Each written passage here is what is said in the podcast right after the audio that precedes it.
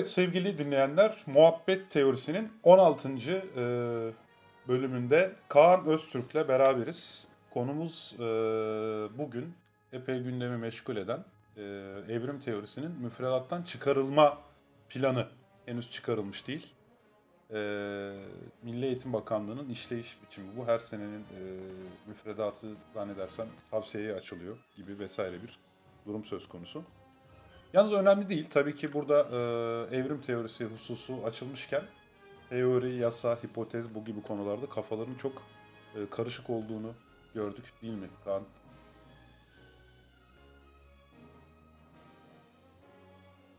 Evet ve e, bugün zaten Kaan Twitter'dan ben Twitter'dan köşe yazısına falan bir şeyler yapmıştık ama bu defa canlı muhabbet teorisi yapalım dedik. Bu bizim ilk canlı e, muhabbet teorisi deneyimimiz.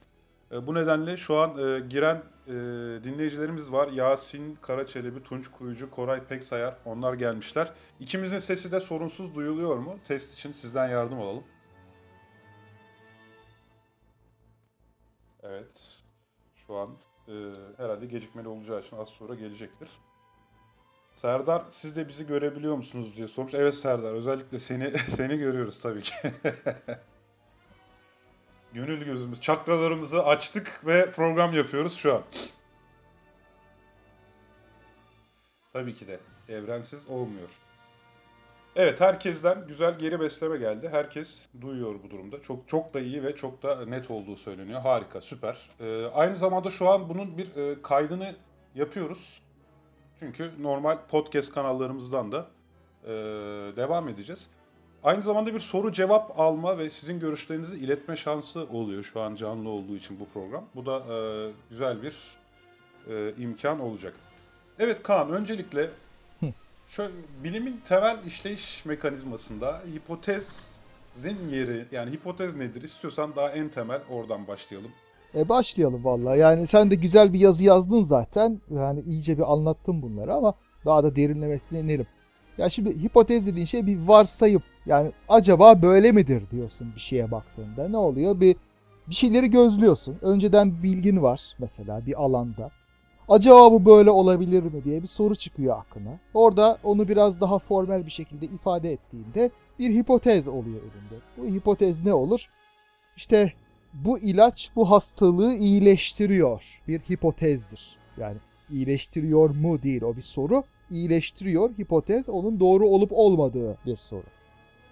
Aslında şöyle desek daha iyi sanki değil mi? Yani e, hani bir korelasyon, ilaç, hastalık vesaire oradan öte e, çevremizdeki herhangi bir olayın neden ve nasıl olduğuna yönelik kendimizce yaptığımız o ilk tahmin Tabii. aslında. Tabii. O tahminimize hipotez diyoruz. Yani e, bilimin dışına çıkarayım konuyu. Sana bilim diye sordum ama şimdi eve geldim ve yere bardağın düşmüş olduğunu gördüm. Hı.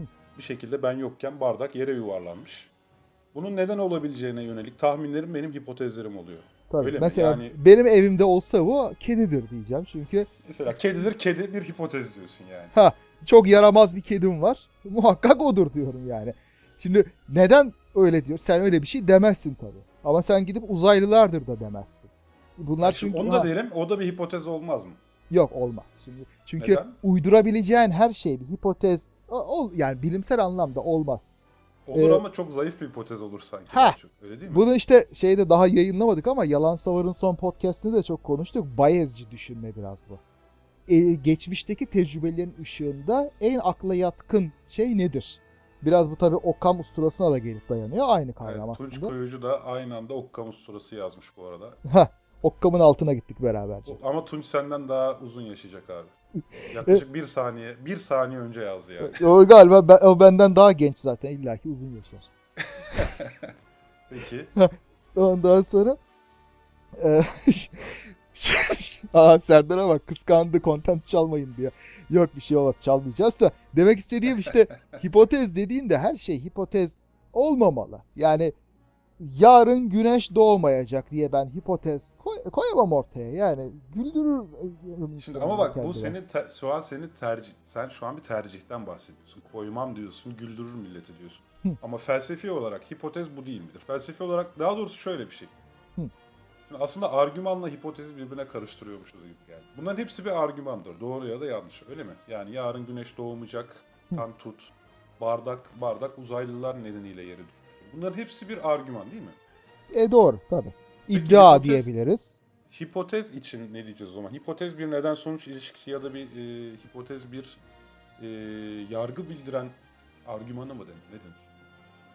Ee, herhalde diyebiliriz. Şimdi burada kesin çizgiler de yok bu bilimsel yöntemde bilmem ne de. Yani sonuçta bilimsel yöntem dediğin şey seni evdeki bardağın neden kırıldığını araştırma yolunla aşağı yukarı aynı veya arabanın e, tamiri arabanın tamire götürdüğünde neresi bozuk diye mesela ustanın araması gibi.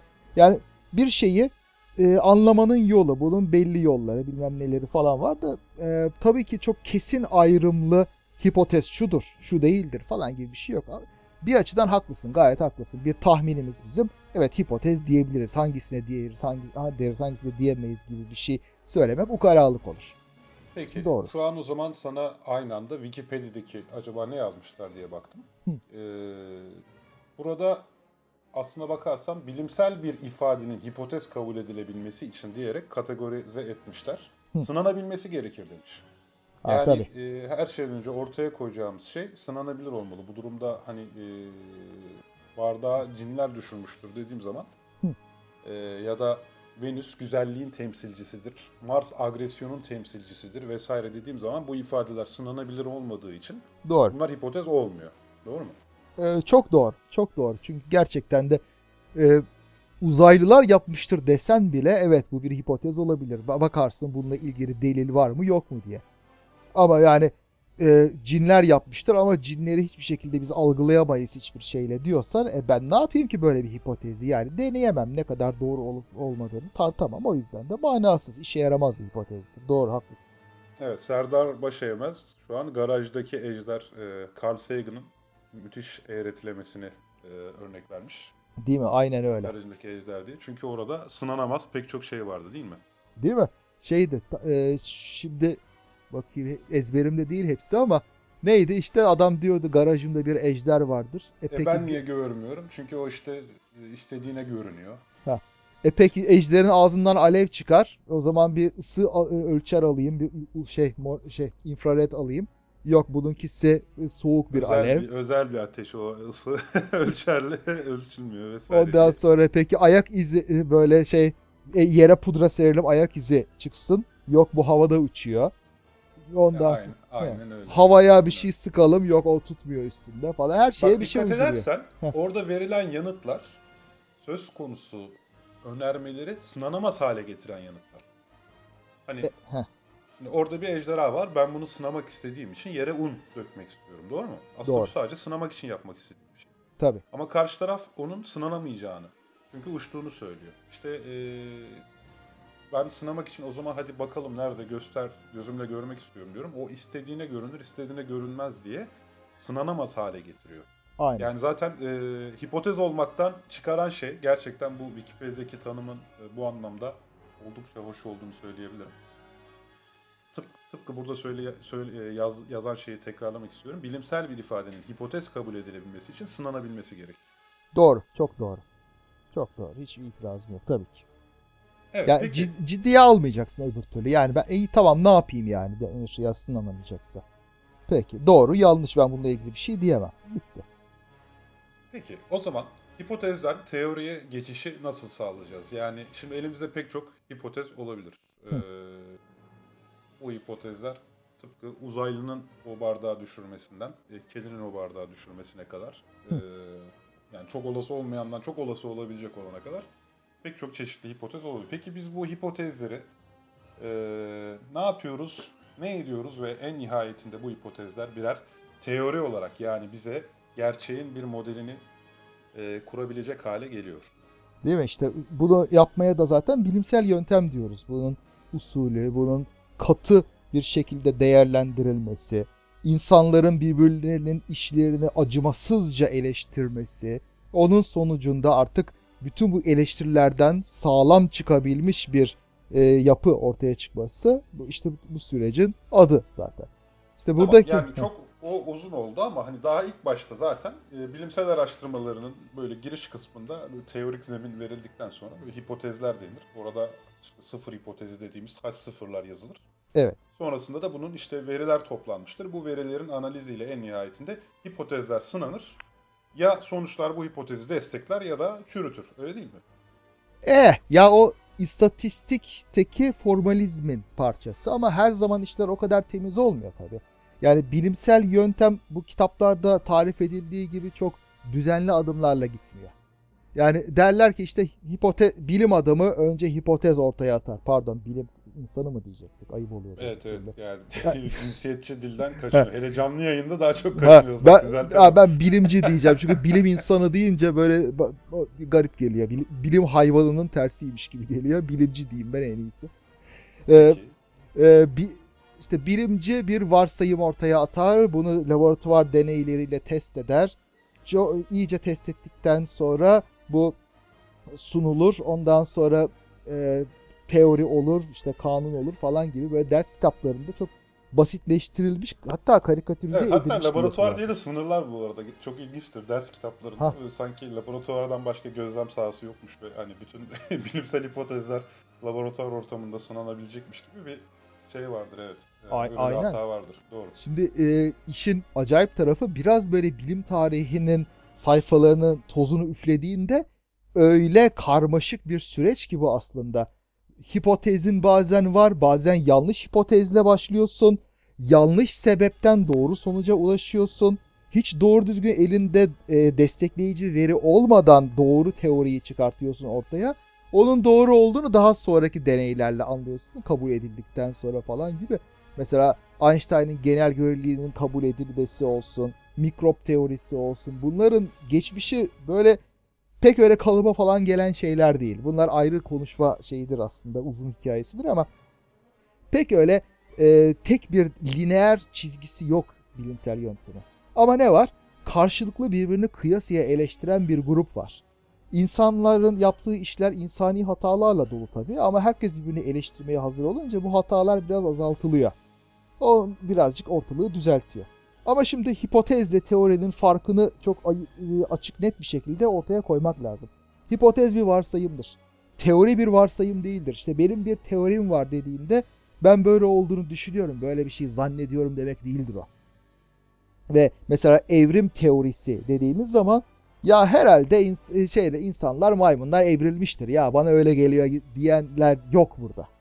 Burada 150 yıldır daha da eskisinden beri hatta toplanmış sayısız e, bilim alanından zibilyon tane verinin bir araya getirerek oluşturduğu bir resim var. Zibilyon, zibilyon gerçekten çok bilimsel bir sayı oldu burada. Tebrik etmek istiyorum. E, ne diyeyim? Go- Google mı diyeyim? Google mı diyeyim? Evet.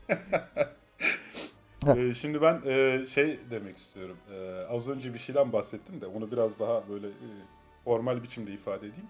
Ee, Robert Merton vardır bilim sosyoloğu. O e, Hmm. bilim camiasının hani örgütlenme biçimi üzerine e, düşünmüş daha çok. Evet çok Bu arada bir şey. dinleyicilere dönmek istiyorum madem canlı yapıyoruz. Ee, soru sorabiliyorsunuz. Evet Kezban Saki. Çay içiyorlarmış. Peki afiyet olsun. Ee, yarın matematik finali olan e, bir dinleyicimiz var. Size de başarılar diliyoruz o zaman. Ejder'den bahsedilmiş. Geri, eski mesajları kaçırmışız ya.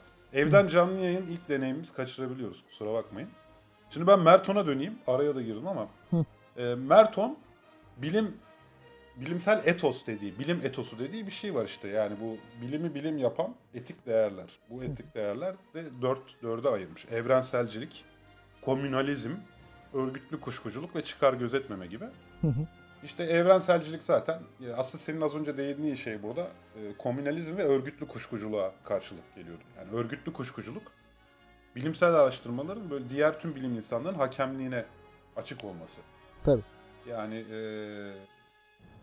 zaten hani bazen insanlar yanlış anlıyor. Bilim her şeyi bilebilir mi? Her şeyi o zaman bilim bunu da. Yani bilim bir kere zaten her şeyi açıklamak gibi bir misyonu yok. Hı. Bilimin öyle bir misyonu yok. Artı e, evet bilimin ortaya koyduğu tüm veriler ve tüm sonuçların doğru olma garantisi de yok. Hı. Lakin bu hayatta yani bilimsel örgütlenmenin dışındaki tüm örgütlenmelerden daha çok bilimde olan şey e, işte bu örgütlü kuşkuculuk. Hı. Yani çıkar gözetmeme Mer, Merto, işte Merton'un ortaya koyduğu dördüncü değer çıkar gözetmek gibi bir şey söz konusu olmadığı için bu arada şeyi dışarı, dışarıda tutuyor. Elbette tamamen şahsi çıkarıyla bilime yönelmiş insanlar olabilir. Şu an hani burada daha çok karşılaşma olasılığımızın yüksek olduğu e, genelleştirdiğimiz ama mutlaka istisnalar olan şeylerden bahsediyoruz ama Hı hı.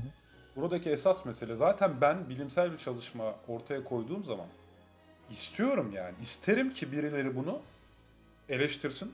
Hı. Birileri bunun açığı varsa bulsun. İşte o da o açığı kapatsın. Bu arada hani illa ki burada bir şahsi menfaatçilikten bahsedeceksek birilerinin benim çalışmamın açığını bulup bana atıfta bulunması da zaten bana artı puan kazandırıyor. Hani illa ki burada e, bilim insanının bir şahsi menfaat güttüğünü düşünsek bile bir, bir, bir teorinin açığıyla uğraşmak da o teoriye prim yaptıran bir şey değil midir zaten? Yani e, yok be pek değildir. Yani çok, onu çok açık koyalım ortaya. Kimse kendi teorisini eleştirilmesinden hoşlanmaz. Kimse istemez böyle senin e, Ben şeyinde. ya. A- ama öldürücü darbe vurulmasını Açık, istemez açık var açık var tabii canım ya. Ha, yani. De- tamamen çökertmesinden bahsetmiyorum yani. Yani tabii ki Burada aa, şunu aa, bu boşluk var. Hadi bu boşluğu da doldur deseler tamam ama Ha mesela bak sen bunu atlamışsın hiçbir işe yaramaz o zaman senin teorin dediğinde o kötü bir his tabii. Bayağı kötü bir his. Ama ya işin tabiatı bu yani. Bilimsel araştırmada bu illaki oluyor. Sineye çekeceksin, yaşayacaksın. Ya bu, bak bu dediğin şey var ya bu örgütlü kuşkuculuk, milletin birbirini çatır çatır eleştirmesi falan. İşin özü o. Şimdi mesela e, ne diyorlar? Teori çürütüldü aslında ama bu bilim adamları işte dinsiz, imansız oldukları için böyle çürütülmüş teoriyi hala satmaya çalışıyorlar. Bu hiç olmayacak bir şey. Yani gerçekten çürütülmüş, gerçekle ilgisi kalmamış bir teorinin bilim adamları tarafından örgütlü bir şekilde savunmaya devam edilmesi mümkün değil. Adam yani paramparça kolay değil yani. Bilim zaten bu kadar kolayca birileri aman dur e, biz dinsiziz, imansızız şu teoriyi parlatalım diyebildikleri bir yerse bilim zaten hastaneye falan da gitmeyin yani. Hayır bu o küçük tedaviler falan da sırf birilerinin dini imanı parası için falan Tabii. öyle şey olur mu ya? Ha bak küçük ölçekte olur. Nasıl olur? Bir senin bir bölüm başkanın vardır. O bölüm başkanının bir teorisi vardır. Sen de onu desteklersin. Kankandır, bir kişi, falan diye. kişi. Ha hadi o 10 kadar. kişi. Hadi hadi bütün Ha. üniversite tamam. Hadi Ha. 100 kişi. Tamam 100 Tabii. kişi onu Hadi diyelim milli bi- bilim adamımdır diye onun teorisini öyle desteklersin ama bütün dünyanın bir teoriyi, yanlış bir teoriyi desteklemesi mümkün değil öyle bir şey. Hele yüzlerce sene yani. O yüzden yani e, boş şeyler böyle e, çürütüldü de bilmem ne de falan yok öyle bir şey tabii. Neyse Yani şimdi biraz hani şey yapalım. teorik alanda öyle şeyler olmuyor diyemeyiz. Hatta ben ilk senden öğrenmiştim. Şu e, meşhur bir deney vardı ya Einstein'ın görevi. Ha evet, evet. Ha mesela hani o meşhur de- sanki o deney gerçekten çok başarılı geçmiş ve Einstein'ın e, düşüncelerini doğrulamış gibi sürekli anlatılıyor. Hakikaten böyle bir şey var ama Hı. hani bu e, evrim gibi günlük hayatta sürekli olarak karşılığını bulabileceğimiz tüm biyologların araştırmalarının zeminini oluşturan bir şey de olmaz herhalde yani. Teorik fizik gibi bir şey değil bu yani. Ya e, bu saatten sonra olmaz diyeyim. Şimdi bu e, bahsettiğin olay genel göreliliğin ispatı sayılan İngiliz astronom hatta baş astronom e, Eddington'ın güneş tutulması Baş gözlemleri. astronom ne abi? Baş astronom. Ya astronomer royal yani kraliyet astronomu diyeyim ya. Bütün o örgütlü kuşkuculuk çıkar gözetmeme falan gitti yani. Doğru haklısın. Şef, şefimiz ama- başladı. ama Yok, işte- Şaka yaptım, espri yaptım. Ama doğru söylüyorsun. Ya, çünkü adam baş astronom olduğu için yaptığı gözlemlerin aslında bir şey göstermediğini kimse çıkıp söyleyememiş. Ya da söylediyse Ha, de kulak zaman- asılmamış. Mesele orada. Adamın çektiği fotoğraflar aslında hata payı o kadar yüksek ki Einstein'ın teorisini doğrulamıyor adam. Newton teorisine göre de hafif bir ışık sapması bekleniyor. Onun ötesinde daha fazla Einstein'ınkine yakın bir şey görülmüyor onda. Çünkü hata payı yüksek. Ama ben gördüm diyor adam. Ve ağırlığı da olduğu için bunu kabul ettiriyor. Ondan sonra kabul edildikten sonra yeni delillerle Einstein'ın genel görevliliği daha fazla destek görüyor. Yani başta gevşek bir şey üzerine kurulmuş olmasına rağmen devam Adamınki ediyor. araya kaynıyor yani. He, biraz öyle. E, Ama o- fark etmez. İşte bilimin güzelliği şurada. Ee, Ondan 80 sene sonra şurada bir canlı radyo yayınında e, biz yine de bunu konuşup adam sırf baş astronom diye kimse karşı çıkamamış diyebiliyoruz. Hani İşte o böyle o gerçek tabii. ortaya çıkıyor yani. Eh eninde sonunda çıkıyor tabii. Ama işte baştan çok da her şeye otoriteye çok güvenmemek gerektiğini de gösteriyor bu. Ama hani şu bakımdan güzel. Tarih için aynı şey söz konusu olmayabilir. Yani biz 1700'lerde gerçekleşmiş bir savaşın Hı. eee, tekrar akıl, mantık, gözlem, laboratuvar deneyi yoluyla tekrar edemeyeceğimiz için o zaman nasıl yazıldıysa öyle biliyoruz. Hı. Hani galipler yazıyor tarihi ya. Hani Öyle, çok doğru. Kahramanca 30 bin kişi işte 60 bin kişiyi yendi falan filan yazıyorsa hani bunu bizim geriye dönük eğer başka bir belge, evrak vesaire yoksa düzeltmemiz mümkün değil. Ama bilimin en önemli özelliklerinden birisi zaten tekrar edilebilirlik olduğu için ben isteyen 40'larda 50'lerde deney yapsın, ortaya bir şey koysun. Aynı deneyi şimdi tekrar edip aslında onun olmadığını hemen gösterebilirim. E, bir parantez açayım. E, Koray Peksar yorum yazmış. Filmini tavsiye ediyor. Einstein and Eddington diye. Güzel filmdir. Ben de seyretmiştim. E, ama o da bu şeyin aralarındaki işbirliğinin mitoloji şekline getirilmiş e, güzel hikayesini anlatıyor. Yani orada e, Eddington Einstein'a hayran olduğu, onu şey yap, e, doğrulamak için uğraştığı çok büyük bir çaba gösterdi ve yaptı gibi. Yani gerçek hikaye şeydir. Golem isimli güzel bir kitap vardır. Bu tür bilim tarihindeki mitlerin arka yüzünde neler olduğunu falan anlatan. Orada biraz daha işin karmaşık olduğunu anlatıyor. Film güzel ama onu seyredin. Güzel bir şeydir o. ta- tarihi olarak. Evet. Peki şimdi toparlamak için söylüyorum. Teoriye geçtik. Teori dediğimiz şey eee tamam birileri zamanda bir hipotez kurdu. Bu ilk hipotez tabii Charles Darwin'den geldi gibi görünüyor. Yani öncesinin olduğunu vesaire de söylüyorlar da hani biz Türlerin Kökeni kitabı bu hipotezin en eee, kapsamlı ilk eseri eee, diyelim. Mesela bugünkü Twitter'daki tartışmalarda yazılan şeylerde de zaten eee, bana sıklıkla söylenen şeylerden biri işte Darwinci misin vesaire misin falan filan. İnsanlar şunu da galiba çok bilmiyorlar değil mi? Şu anki evrim teorisi Darwin'in ortaya koyduğu evrim teorisine göre çok gelişti. E tabi. Yani çok bazı kısımları değişti. Kısmen çürüyen yerleri oldu. Oralar geliştirildi. Hipotez e, daha doğrusu teori daha sağlam ayakları yere basar hale geldi falan filan. Hani bugünkü evrim teorisi dediğimiz şeyle Darwin'in ilk ortaya koyduğu teori arasında dağlar kadar fark var. Evet tabi. Olması da gerekli. Şimdi Darwin zamanında genetik diye bir bilim yok. Genlerin varlığı bilinmiyor. Ama empirik olarak türlerin seçilimi, yapay seçilimi ve bundan değişik özelliklerin ortaya çıkarılması hakkında çok derin bilgisi var e, Darwin'in. Zaten kendisi işte güvercin yetiştirmiş, pek çok deneyler yapmış, başka hayvanlarla deneyler yapmış. Bu zaten o dönemin İngiltere'sinde çok iyi bilinen bir pratik. E, tabii ki bütün e, dünyada yaptığı gezilerde, Güney Amerika'da yaptığı gezilerde falan topladığı bilgiler de var. Bunları birleştirerek yapıyor. Yani işin empirik temeli sağlam. Empirik temelin sağlam olduktan sonra ona ya verdiğin açıklamayı ufak şekillerde değiştirebiliyorsun. Yeni empirik şeyler geldiğinde genişletebiliyorsun. Ama gerçek olan şey evrimin var olduğu.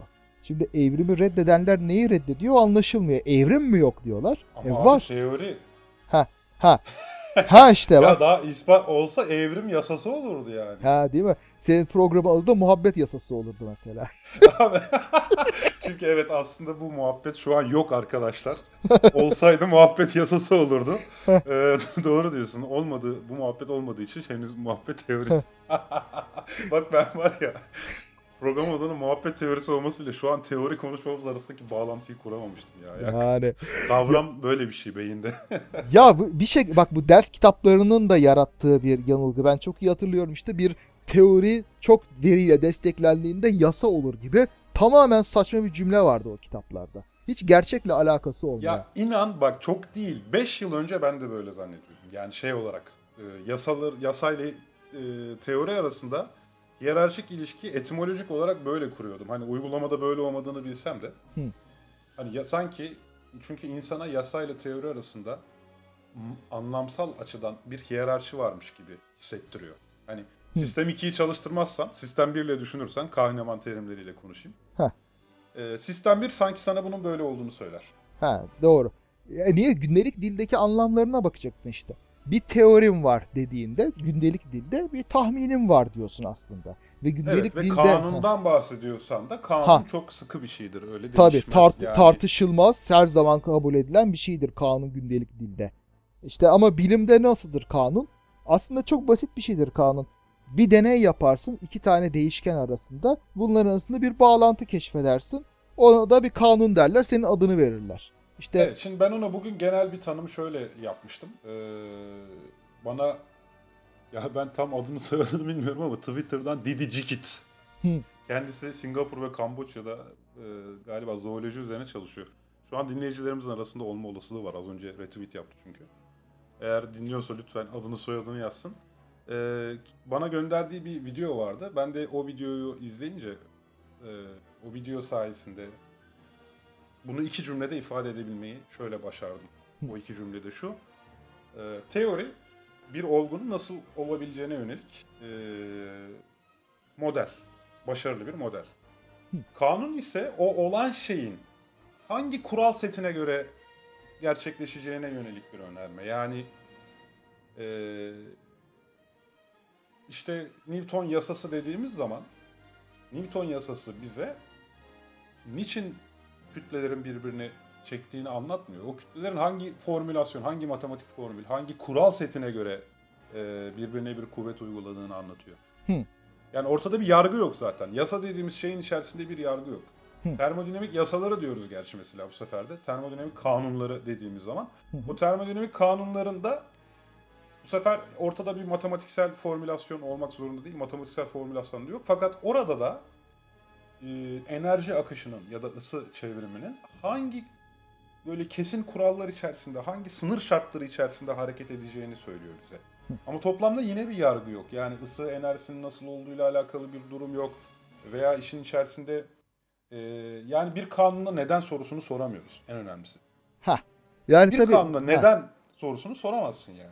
Tabii nihai olarak bilimde yine onun durduğu bir yer geliyor da ama dediğin doğru. Bir kanun sadece kısıtlı bir ilişkiyi gösteren bir şeydir. Mesela Hooke yasası bir yayın gerildiği zaman ne kadar uzayacağını gösterir. Daha çok çekersen daha çok uzar. E, Doğrusal bir bağlantı. Şimdi bu bir yasa. Yani ya- yasa demek ben bunu yaptığımda bunu göreceğim. Veya balonu ısıtırsan hacmi artar. Bu da bir yasa. E, Gay-Lussac yasası. Neyse. Bunun gibi pek çok isimli yasa var. Ama bunların hepsi gördüğümüz dünyanın küçük küçük köşelerinin parçaları. Şimdi gazı ısıttığında niye ge- genleşiyor? Bilmiyorum. Gay-Lussac yasası deneysel olarak bunu söylüyor ama neden? Bilmiyorum. Niye yay uzuyor onu da bilmiyorum.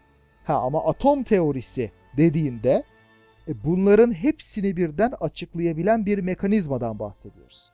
Atomlar işte hızlanıyor, şöyle oluyor, böyle oluyor diyerek bu çok daha çok değişik, görünürde birbiriyle alakası olmayan böyle okyanusun üstündeki adacıklar gibi dağınık duran şeylerin altta birbiriyle bağlantılı olduğunu söylüyor bize teori.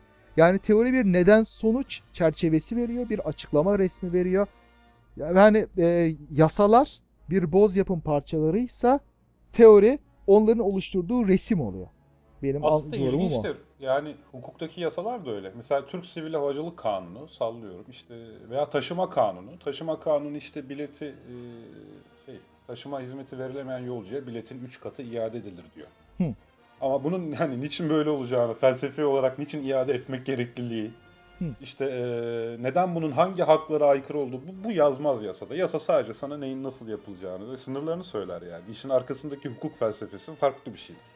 Doğrudur. Tıpkı Doğrudur. bunun gibi işte e, bize e, şey e, fizik yasaları da yani daha doğrusu doğa yasaları da neyin nasıl olduğunu söyler. Arkasındaki felsefe bambaşka bir şey yani. Tabii. Tabii. Ama öte yandan niye atomlar var? Onun cevabını vermiyor atom teorisi.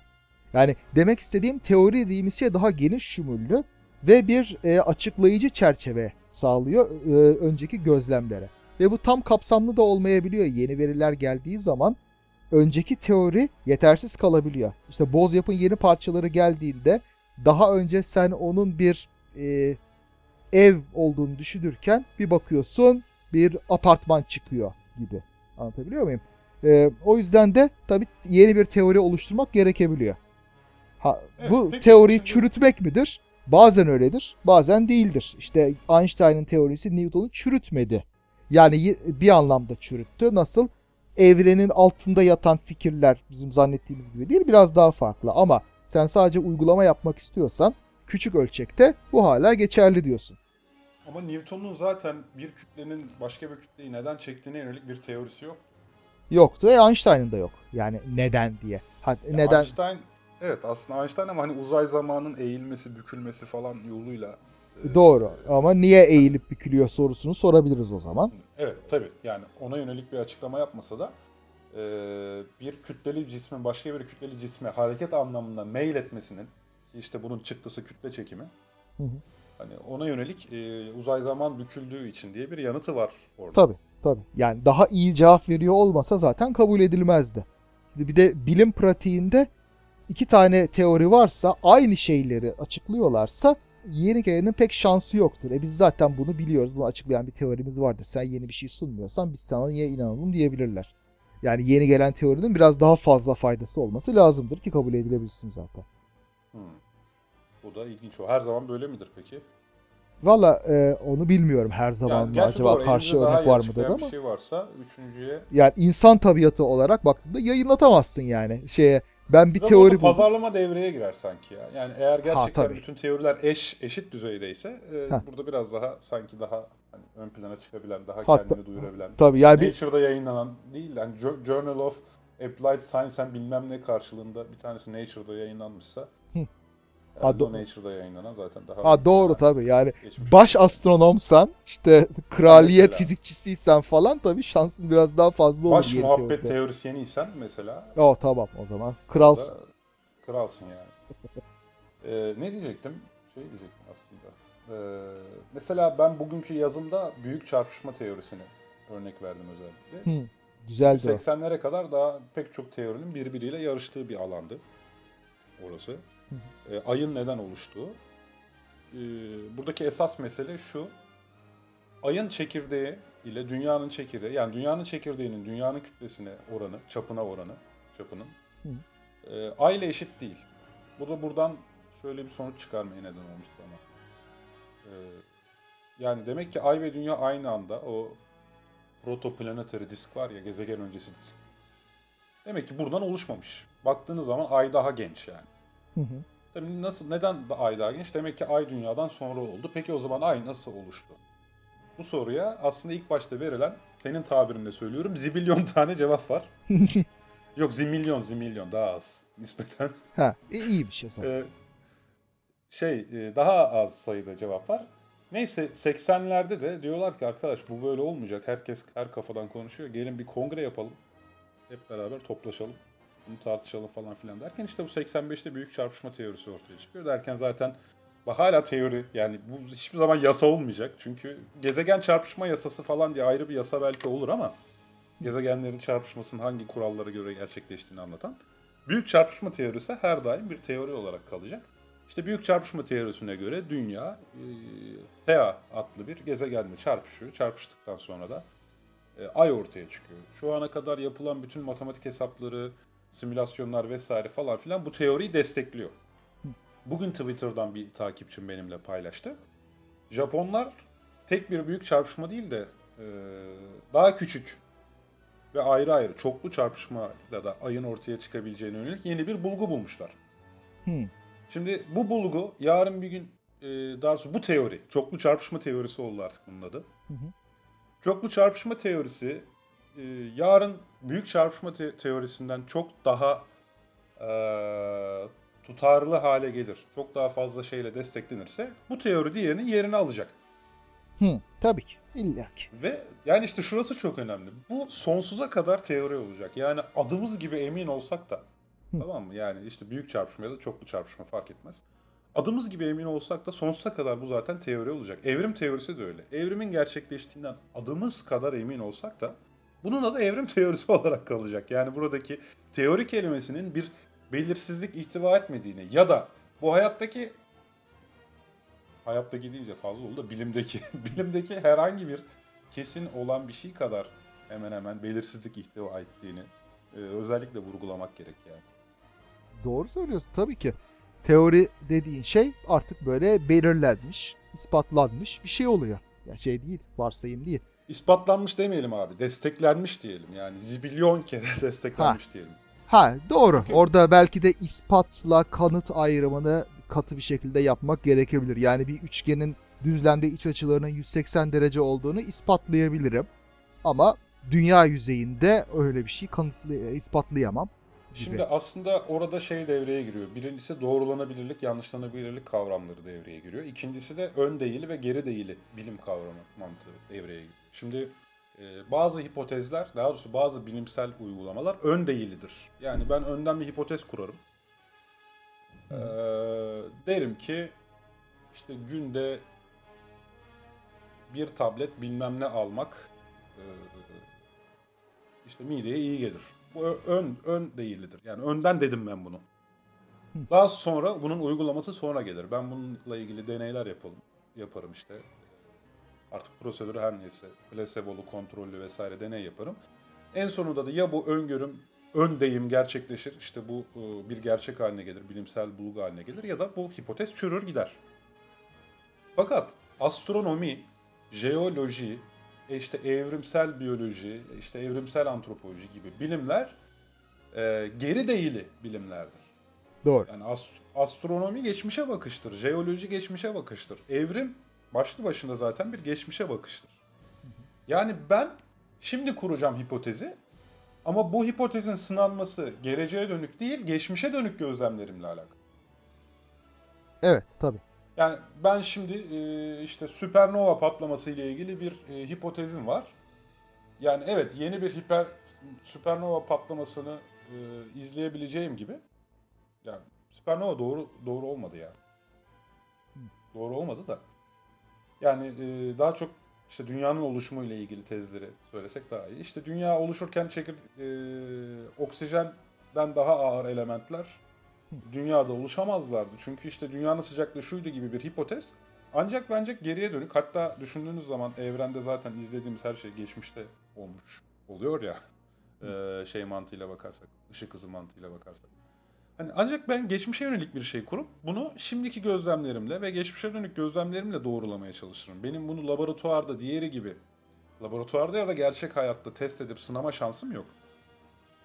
Evet. Ancak bence elimdeki veriyle bakabilirim. İşte evrim teorisi de şu anki canlıların özellikle de genetik keşiflerin ışığında inceleyip, sınıflayıp, gözlemleyip, yakın akraba olan hayvanların birbiriyle olan bağlantılarını bulup vesaire vesaire derken geçmişe dönük olarak işte zibilyon kere fersah fersah desteklediğim bir teori. Buradan zaten bir ispata asla gidemem yani şey. Tamamen kanıtlamış olamam hiçbir şeyi yani. Hmm, Şimdi tabii şöyle bir farkı da görmek lazım. Ee, bir tek canlının evrimini varsaymıyoruz. Evrim diye bir genel e, süreç olduğunu düşünüyoruz ve bunu çok farklı canlılarda görüyoruz ve çok farklı delil türlerinde görüyoruz. O yüzden bu tekrarlanabilir bir şey bir yandan da. Ee, da tabii çelişmek için söylemiyorum. Yine geriye dönük olarak söylüyorsun bunu ama e, bir kere mesela büyük patlama gibi bir kere olmuş ve onun izlerini aradığımız bir şeyden bahsetmiyoruz. Burada her birçok değişik türde canlının tekrar tekrar evrim geçirmesi, adaptasyonu vesairesi, mutasyonu gibi şeylerden bahsediyoruz ki bu biraz daha fazla destek sağlayan bir şey elbette. Bilmiyorum tam Peki, e, aslında zaten şöyle bir şey de var. Ön değili hipotezleri de doğrulamak yani tamamen ispatlamak çok söz konusu değil. İşte burada e, Karl Popper'ın yanlışlanabilirlik ilkesine geliyoruz. E, hani bütün kuğular beyazdır gibi bir hipotezi sürekli sana beyaz kuğu bularak tam olarak doğrulayamıyorum zaten. Evet. Her, her yeni beyaz kuğu, bütün kuğular beyazdır hipotezini destekliyor. Ama e, bunu tamamen ispatlamıyor. Tamamen doğrulamış olmuyor. Fakat şu kolay en azından. Tek bir tane siyah kuğu gösterirsem sana Hı hı. ne olacak?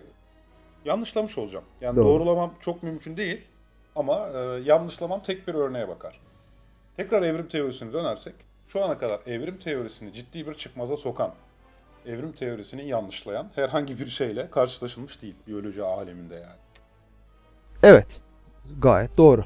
Şimdiye kadar hiç yani yanlışlamak dediğin şey işte hiçbir değişim olmadan dünyanın başından beri e, aynı şekilde devam eden bir canlı e, yok. Doğrusu yok yani. Hayır devam etseydi bile bu yanlışlar mıydı bu arada? Şöyle diyeyim. Alternatifi nedir? Şimdi yanlışlamak deyince alternatif hipotez. Bunun tersi. Yani nedir? Yaratılış veya evrimleşmemişlik. yok yok demek istediğim milyarda bir olasılıkla da dünyanın başından bu yana hiç değişmeden genetik mirasını aktarmış bir bakteri olamaz mı? Olabilir tabii. Olabilir. Yani eğer bir Heh. zedelemez bence. seçilim baskısına uğramadıysa tabii ki devam edebilir. Doğru. Ha işte Seçilim baskısına uğramamıştır. İşte genetiği müthiş bir kılıfla korunuyordur.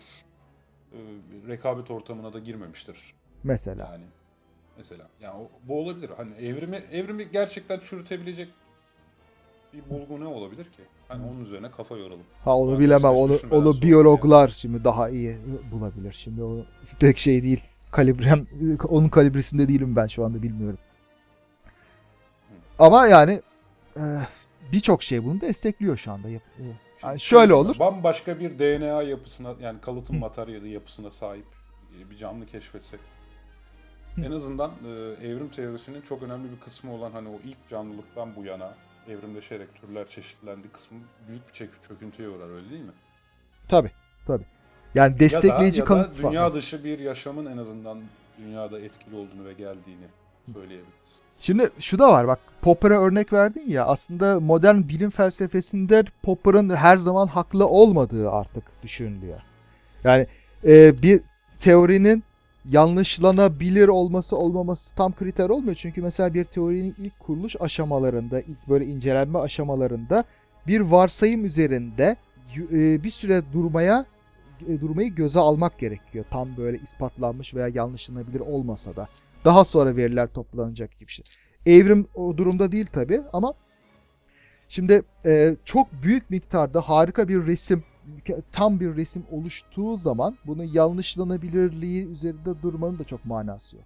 Hatta Popper ilk başta evrim teorisinin yanlışlanamaz olduğunu da iddia etmişti bir ara. Hatta bizim yaratılışçılar da biraz bunu kullanır. Daha sonradan bu fikrini Popper geri aldı. Evrim teorisinin ya- yanlışlanabilir Niye olduğunu kabul etti. neden geri aldı? O kadarını şu anda hatırlayamıyorum. Şimdi bakmadan onu söyleyemeyeceğim. Ama demin konuştuğumuz konuyla ilgili. Şimdi evrim teorisini yanlışlayacak şey ne olabilir? Hiç değişmemiş bir canlı bulalım desek e tamam şey diyeceğiz. E, e, ba- e, dönüşüm baskısına uğramamış diyeceğiz. O, açı- o açıdan yanlışlanabilir değildir demiştir herhalde. Ama buna da biyologlar daha iyi cevap verir doğrusu. O- o- Fazla bunun ayrıntısına girmek istemem. Ozan Oğuz haklanır. Dinozor kemiklerini Hollywood yerleştirdi dersek çöküyor demiş. Yani en azından dinozorla ilgili kısımda biraz sakatlık oldu. Tabii sadece dememizle çökmez o ayrı da. Retrosaurus e, çok güzel bir şey söylemiş. Eğer farklı bir DNA, daha doğrusu farklı bir e, genetik materyal yapısına sahip canlı bulursak e, hani evrim teorisini çökertmeyebilir. Abiogenesis'in a- abiyogenesis'in bir değil iki defa gerçekleştiğini göstermiş olabiliriz. Olursun gibi bir netlik yok. Hı hı. Evet gerçekten şu an bir düşünce deneyi yapalım. Makul. Ee, Evet, teşekkürler, bu iyi. ki dünyada e, bilim insanları bambaşka bir genetik kalıtım materyaline sahip bir canlı buldu. Hı hı. Ee, hatta canlı grubu buldu. Yani bakterisinden çok hücrelisine diyelim. Hı hı. Burada e, alternatif hemen işte alternatif teoriler, hemen hipotezler ortaya çıkacak. Bir dünya dışından dünyaya bir göç oldu Hı hı. olabilir. Bu göç işte meteorla oldu, onunla oldu, bununla oldu artık her neyse. İkincisi evet belki de zamanında abiyogenesis yani o ilk bakterinin ortaya çıkışı diyelim. Ee, Belki iki farklı noktada iki farklı çıktı ortaya diyebiliriz. Yani işte bunların her birisi ee, tamamen birbirine alternatif hipotezler. Hı hı. Yani belki iki tanrı var ikisi kendi canlılarını yarattı falan bile bir Ya bir bilimsel olmayan Heh. hipotez örneği olarak Bir açıdan şöyle diyebiliriz. Şimdi e, evrim karşıtı olanlar yaratılışçı. Şimdi o şey çok tartışılacak bir tarafı yok. Acaba uzaydan mı geldi falan diyenler pek fazla yok. Şimdi o zaman onların e, hipotezini destekleyecek şey bulmalarını isteyebiliriz. Yani bunu yanlış biz neyi yani evrimde ne yanlışlanabilir demekten ziyade. Biraz şuna benziyor. Bir boz yapı biz hazırladık. Bu boz yapta e, işte bir parça eksik ve boz yapın geri kalanında bir ev resmi gözüküyor. Efendim işte bunun ev olduğu hipotezini yanlışlayamazsın falan diyeceğine e, göz var, izan var belli yani. Şimdi burada sen, sen ne diyorsun bu ev değil de ne bileyim bir e, deniz manzarası mı diyorsun? Değil yani belli ki değil. Heh. Onun gibi bir yaklaşım biraz daha doğru olur bence bu aş- aşamada. Ha, evet doğru konuda. olur ama tabii kesinlik sağlamaz. Çünkü şimdi mesela evrim yoksa niye canlıların DNA'larında bu kadar ortaklık var ve neden evrimsel süre yani tarih çağları içinde uzağa gittikçe bu ortak DNA miktarı azalıyor gibi. Bu evrim yoksa nasıl bu cevaplanabilir gibi. Ya şimdi zaten bilim kontekstinde konuşacak olursak evrim teorisinde rakip e, başka bir teori yok. Tabii. Bunu daha iyi açıklayabilen hiçbir model yok. Zaten bilim konteksti dışına çıktığımız zaman işte akıllı tasarım vesaire gibi e, farklı seçenekler e, ortaya çıkabiliyor yani. Bu arada Serdar Başyemez Amerikalı yaratılışçıların bazıları fosillerin bizim inancımızı test etmek isteyen Tanrı tarafından yerleştirildiğine inanır. İşte bu zaten bir komplo teorisi örneği. Bir anlamda Tanrı'yı burada komplocu e, Ha, ilan ha işte. oluyor. Tabii yani. ya bu e, işte yanlışlanamaz hipotezi mükemmel bir örneği zaten. Yani Tanrı yerleştirdi. E peki yani bu yanlışlayamam ki ben bunu nasıl onu yerleştirmediğini nasıl göreceğim? Bu nasıl Yani evet, ad hoc hipotez dediğimiz türde Heh, e, aynen. hipotez bunlar. Ara doldurucu hipotezler. Aynen. Garajdaki Van ejder hipotezi. Gerçeğe daha yakınlaşmaktır yanlışlamak. Modelin tamamen çöpe gitmesi gerekmiyor demiş. Evet zaten Hah, evrim teorisi bugüne kadar bu şekilde zaten bu kadar güzel ve e, mükemmele yaklaşma e, yoluna girdi. E, başka diyeceğimiz neler var Kaan? Programımız kaç dakika olmuş ona bakmadım. Canlı yapınca bak hiç takip etmiyor insan. Neredeyse 40 Vallahi dakika olmuş. ha, evet. 45 45 geç. Dakika olmuş neyse. Yalnız bu canlı yapmak müthiş fikirmiş ya gerçekten. İyi valla. Çünkü dinleyici e, katkısıyla beraber harika gidiyor. Valla beni de hazırlıksız yakaladın ama neyse artık. Ya biz işte gün boyu aynı meseleleri tartıştığımız için senle hazırlık yapmaya gerek kalmadı işte oturduk ve e, şey olarak başladık yani. İyi, iyi oldu. Peki dinleyicilere dönelim bu sefer yani e, konuyu bir miktar daha uzatmak için son 10 dakikada dinleyicilerimizden soru vesaire fikir katkı böyle şeyler gelirse e, o, o 10 dakikada orayla devam edelim sonra sohbeti bitirelim. Hı. Tam bu soruları beklediğimiz arada şunu anlatayım. Ben önce bu Google Hangout değil de e, eskiden üniversitede Shoutcast aracılığıyla canlı radyo yayını yapıyordum ben. Radyo Vadi diye, İTÜ Vadi yurtlarından. Tekrar Shoutcast kurmaya falan çalıştım ben bugün. Ya sonra dedim ki Shoutcast kuracağız ama bu dinleyici yorumu yok. Dinleyici yorum olmayınca da şey tek yani interaktif olmuyor. İnteraktif olmadığı için de e, YouTube olsa daha iyi olur dedim. Sadece işte yüz- yüzlerimizin görünmesini istemezsek ne olacak demiştim de şu an insanlar siyah ekrana bakmaktan çok şikayetçi değiller bence. E, iyi güzel. Ya şeyde Fotoğraflarımız var en azından. ay falan dedik ya. Ben bir kitap hatırladım. Ayı kimler yaptı diye bir kitabım var. Niye bende böyle bir kitap olduğunu sorma. E, ama Ayı, ayı, ayı, ay- kimler yaptı? Evet, evet. Böyle çok enteresan. Ay bir işte ne bileyim Death Star gibi bir şeymiş. Yapay uyduymuş. Onun işte geçmişi bilmem nesi falan gibi bir şey. Ee, İçinde ne var ne diyorlar diye sorma. Daha okumadım çünkü. Abi okuyacak mısın? Gerçekten okuyacak mısın onu ya? ya ne bileyim herkesin biraz eğlenmeye ihtiyacı var ama işte asap bozmasın diye biraz korkuyorum. ya şu var. Evet. Okuyup eğlenmeye biraz onu var da- konuşabiliriz aslında bir, bir gün. Ya eğlenmeye ihtiyaç var da kitapla eğlenmek çok fazla vakit alıyor. E, doğru haklısın. Hele Yani böyle hani kitaplarda yani. Evet hani yarım saatlik bir saatlik bir belgesel olsa vesaire olsa e, o hani ya maksimum bir saatin gider de şimdi o kitabı muhtemelen 10 ila 12 saatte falan okuyacaksın toplam Evet, süre evet, doğru. olarak. Onu okuyana kadar neler var okuyacak. Evet. Ya işte bugün e, bu bugün paylaştığım tümörü güya 3 saatte düşünce gücüyle 3 dakikada ne 3 saati ya?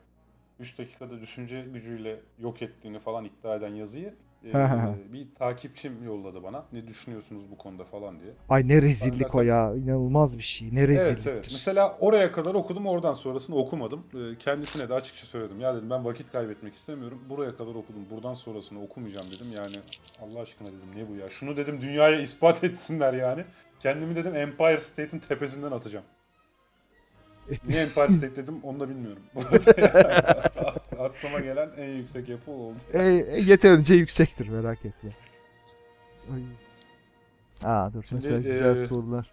Serdar evet e, e, Aydan Kurt hanımefendi ayı kendi yaptığını iddia etmiş. O, Peki Rabia Aslan selam.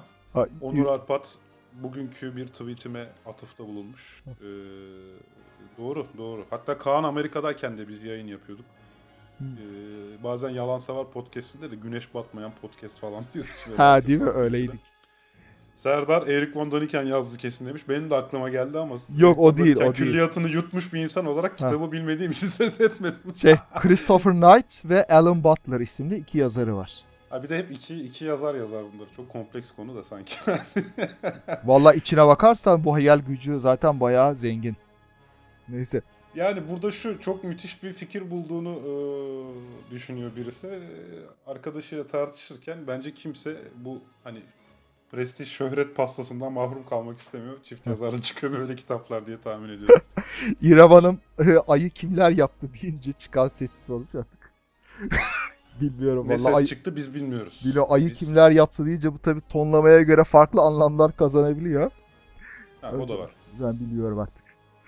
Peki. Kezban Hanım şey sormuş. e, evrim teorisi orta öğretimde nasıl anlatılıyor diye.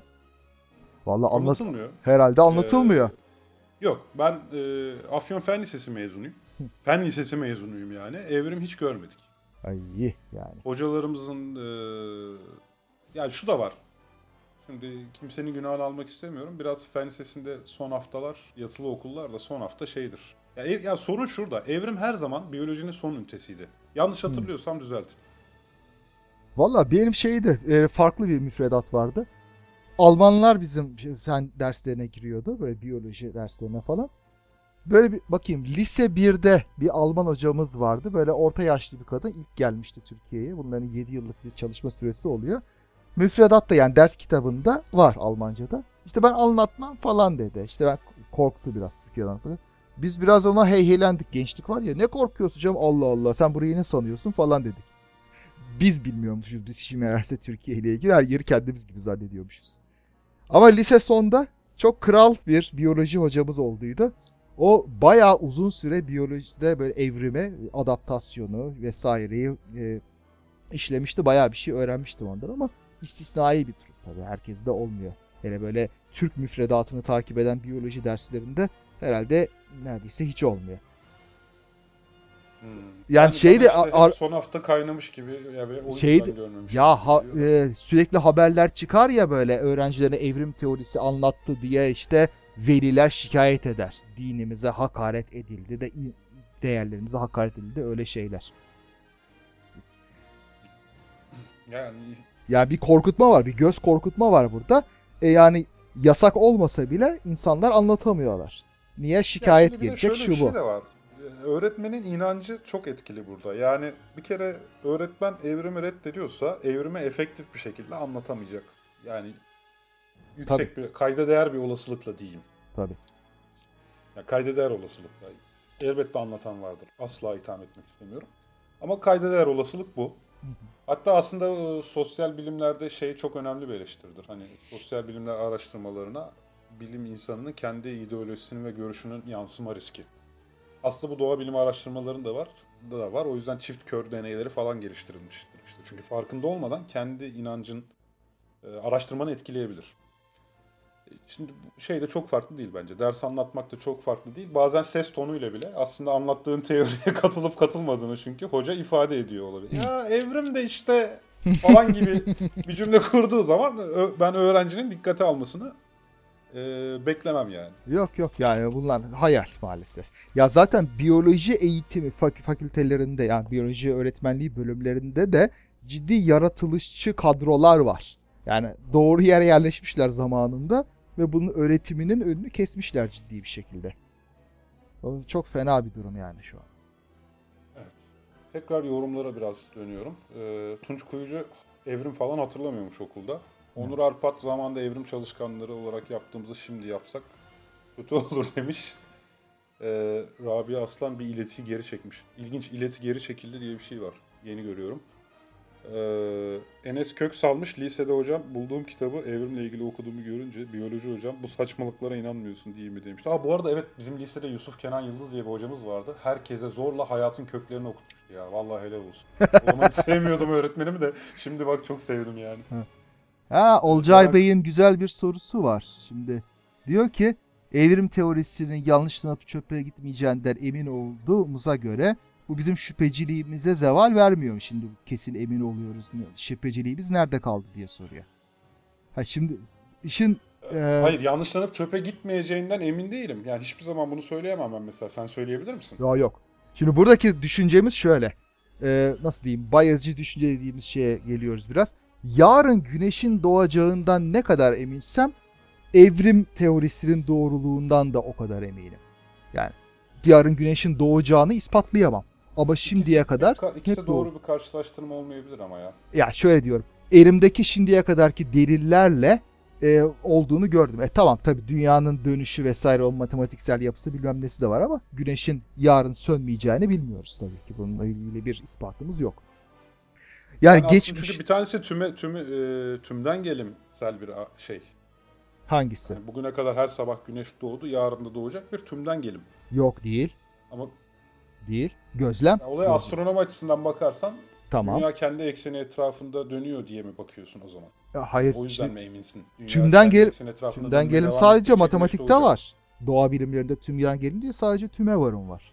Ya astronomi Hayır. falan da her zaman tüme Tümden varım. gel- tümden gelim de olur doğa bilimleri. Mesela Kargalar siyahtır aslında tümden gelimdir. neden? Ne kadar gözlemlediğin her karga siyahtı. Sen oradan gelerek yarın karşılaşacağımız bir karganın da siyah olduğu sonucuna varırsın. Hayır bu tüme varımdır. Yani te- tekil örneklerden bütünle ilgili sonuca gitmeye tüme varım denir. Tümden gelip temel aksiyomlardan yola çıkarak e, sonuçlara, özel sonuçlara Hayır, varmak. Yok yok.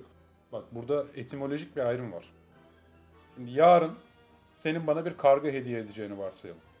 Hı. Bana Kaan'ın yarın hediye edeceği karga siyahtır, bir tümden gelimdir. Siyah olacaktır. Bir tümden gelimdir. Aa, o tüme varımdır. Hayır hayır bak e, dü- dünyadaki bütün kargalar siyahtır demiyorum. Bugüne kadar gördüğüm bütün kargalar siyahtı. O zaman yarın bana Kaan'ın hediye edeceği karga da siyah olmalıdır. Bu bu tüme şey tümden gelimdir. Hayır. Arada bir adımı atlıyorsun. Yarın Kaan bana bir karga verecek. Şimdiye kadar bildiğim bütün kargalar siyahtı. Demek ki bütün kargalar siyahtır. Demek ki Kaan'ın vereceği karga da siyahtır. İşte tüme varım. Tamam peki sen bana e, başka bir tüme varım örneği kurar mısın? Ee, Boş ver doğa bilimini falan öyle bir tane tüme varım örneği kurar mısın? peki. Ee, varımsal bir argüman daha doğrusu. aspirin içmek baş Şey, ağrısını pardon geçirir. tümden gelimsel pardon özür dilerim. Yani ha, hani ha, benim... tümden gelim. Tamam. Aha. Bir üçgenin iç açılarının toplamı 180 derecedir. Tümden gelim. Çünkü bu Öklit hipotezi pa- aksiyomlarından çıkar ve genel olarak bu ya matematiksel şeyler, Hayır, sen de şu an anlamı- peki bütün üçgenlerinki 180 derecedir o yüzden bu üçgeninki de 180 derecedir demiş olmadın mı? Tıpkı benim bütün kargalar siyahtı o zaman Kaan'ın bana Hayır. vereceği- Çünkü ben bu sonucu tek tek üçgenleri ölçerek elde etmedim. Bütün üçgenler için ge- geçerli olması gereken bir akıl yürütme sonucunda elde ettim. Bence bunu şimdilik erteleyelim. Ee, ya, bence yanlış düşünüyorsun. Sana göre de ben yanlış düşünüyorum. Ee, Peki anlaşamamakta ikisi de anlaşalım o ha- ha- yani doğa bilimlerinde de sosyal bilimler. Yani fark etmez. Hayatta iki argüman da yoğun olarak vardır ve e, tahminlerimizde kullanırız. Yarın güneşin doğacağına yönelik argümanın tümden gelimsel argümandır. Tüme varımsal değil. Ee, ya hayır. Tümden Çok gelim eminim. Çok Yok. eminim çünkü bu neredeki örnekti biliyor musun? Duke Üniversitesi'nden aldığım How to Argue diye bir ders vardı. Aha. İlk tümden gelim argümanı buydu. Oradan hatırlıyorum. Yani. Vallahi Net yanlış olarak- yapmış o zaman. Özellikle bu argümanı iyi Tüm- hatırlıyorum. Tümden Fakat gelimle tümden gelimle deduction kastediyorsun değil mi? Dur, Deduction. Ders kitabını bak açacağım şimdi sana. Abi ca- canın sağ olsun da- açacağım. deduction dediğin şeyle induction değil. Yani tümden gelim deduction'dır, tüme varım induction'dır. Evet şimdi mesela bakın burada e, HLM YSL adlı kişi tam olarak biraz obsolüt bir tartışma yaptığımızı söylemiş ve şunu dile getirmiş. Haklı. Dostlar doğa bilimlerin hepsinde hem tümden gelim hem tüme varım sürekli olarak vardır. A posteriori ve a priori beraberce çalışır düşünme süreçleri boyunca demiş. Benim az önce söylemeye çalıştığım şey oydu. Senin bana yarın hediye edeceğin, yarın dememin nedeni oydu zaten. Ama Senin bana yarın hediye edeceğin karganın rengini tahmin, bu benim için bir a priori'dir. Yani deneyimden önceki Aha. argüman kurma sürecim. Burada tümden gelim yaparım. Yarın sen bana kargayı hediye ettikten sonra kargalar hakkındaki e, varsayımım tüme varımsal olur. Ha, şimdi anlaşıldı karışıklığın sebebi. Hayır. A priori, a posteriori ayrımı tümden gelim, tüme varım ayrımından çok farklı bir şeydir. A priori İkisi aynı ayrımdır demiyorum zaten. ama Sadece ama onu demeye yarın git- dememin nedeni Evet. senin bana yarın ki yarın hediye edeceğin karganın siyah olacağı sonucuna ulaşmam şu ana kadar ki deneyimsel tüm gördüğüm kargaların siyah olmasından. Bu olay sadece bak karga olmayabilirdi. Seninle başka bir araştırma yapıyor olabilirdik. Galapagos adasında şu an. Hı hı. 6 tane cennet kuşu görebilirdik ve bu 6 tane cennet kuşunun işte dişisini etkilemek için dans ettiğini görebilirdik tamam mı? Tamam. Yedinci bir cennet kuşuyla karşılaştığımız zaman bu yedinci cennet kuşunun da dişisini dans ederek etkileyeceğine yönelik bir argüman kurduğumuz zaman henüz deneyimden önce, gözlemden önce bu argüman sen bana nereden biliyorsun dans edeceğini dediğin zaman net bilmiyorum ama böyle bir hipotez kuruyorum. Bu tüme varımsal bir hipotez. Hı hı. Çünkü şu an işte tümden gelimsel. Çünkü Ay- şu ana kadar gördüğüm, deneyimlediğim tüm 6 tane yani tüm cennet kuşları böyle yapıyordu. O zaman bu da böyle yapacak. Çıkarımım tümden gelimsel bir çıkarımdır.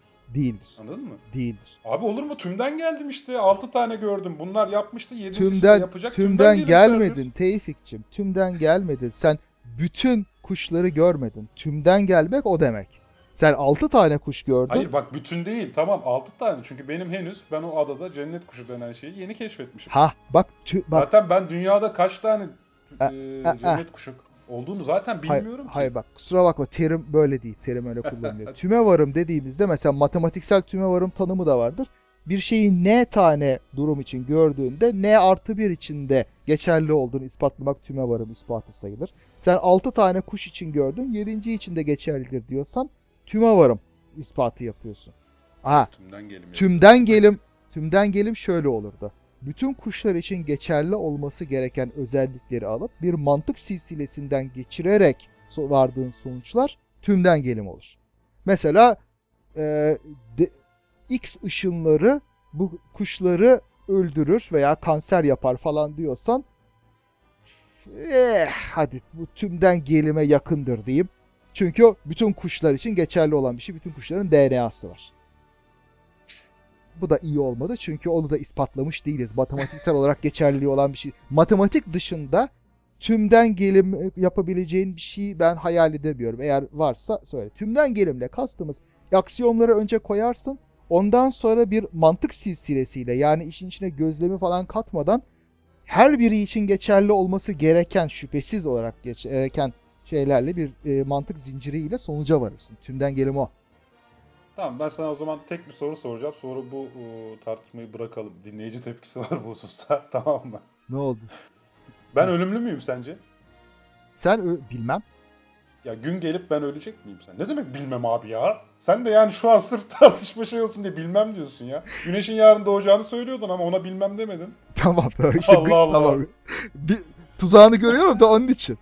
Heh, şimdi Bak yani işte şu an çakallık yapıyorsun. Tamam bu soruyu Tamam, sormaktan vazgeçtim. tamam ölümsüz olan hiçbir insan görmedim. O yüzden senin Ha, ölümsüz ha. olduğunu düşünmüyorum. Hani mantık silsilesi şu an bu tümden gelimsel argüman oldu. Hayır bu tüme varım argümanı. Hayır bu en bilinen tümden gelimsel argümandır abi ya. Bütün felsefe kitaplarında bütün insanlar ölümlüdür.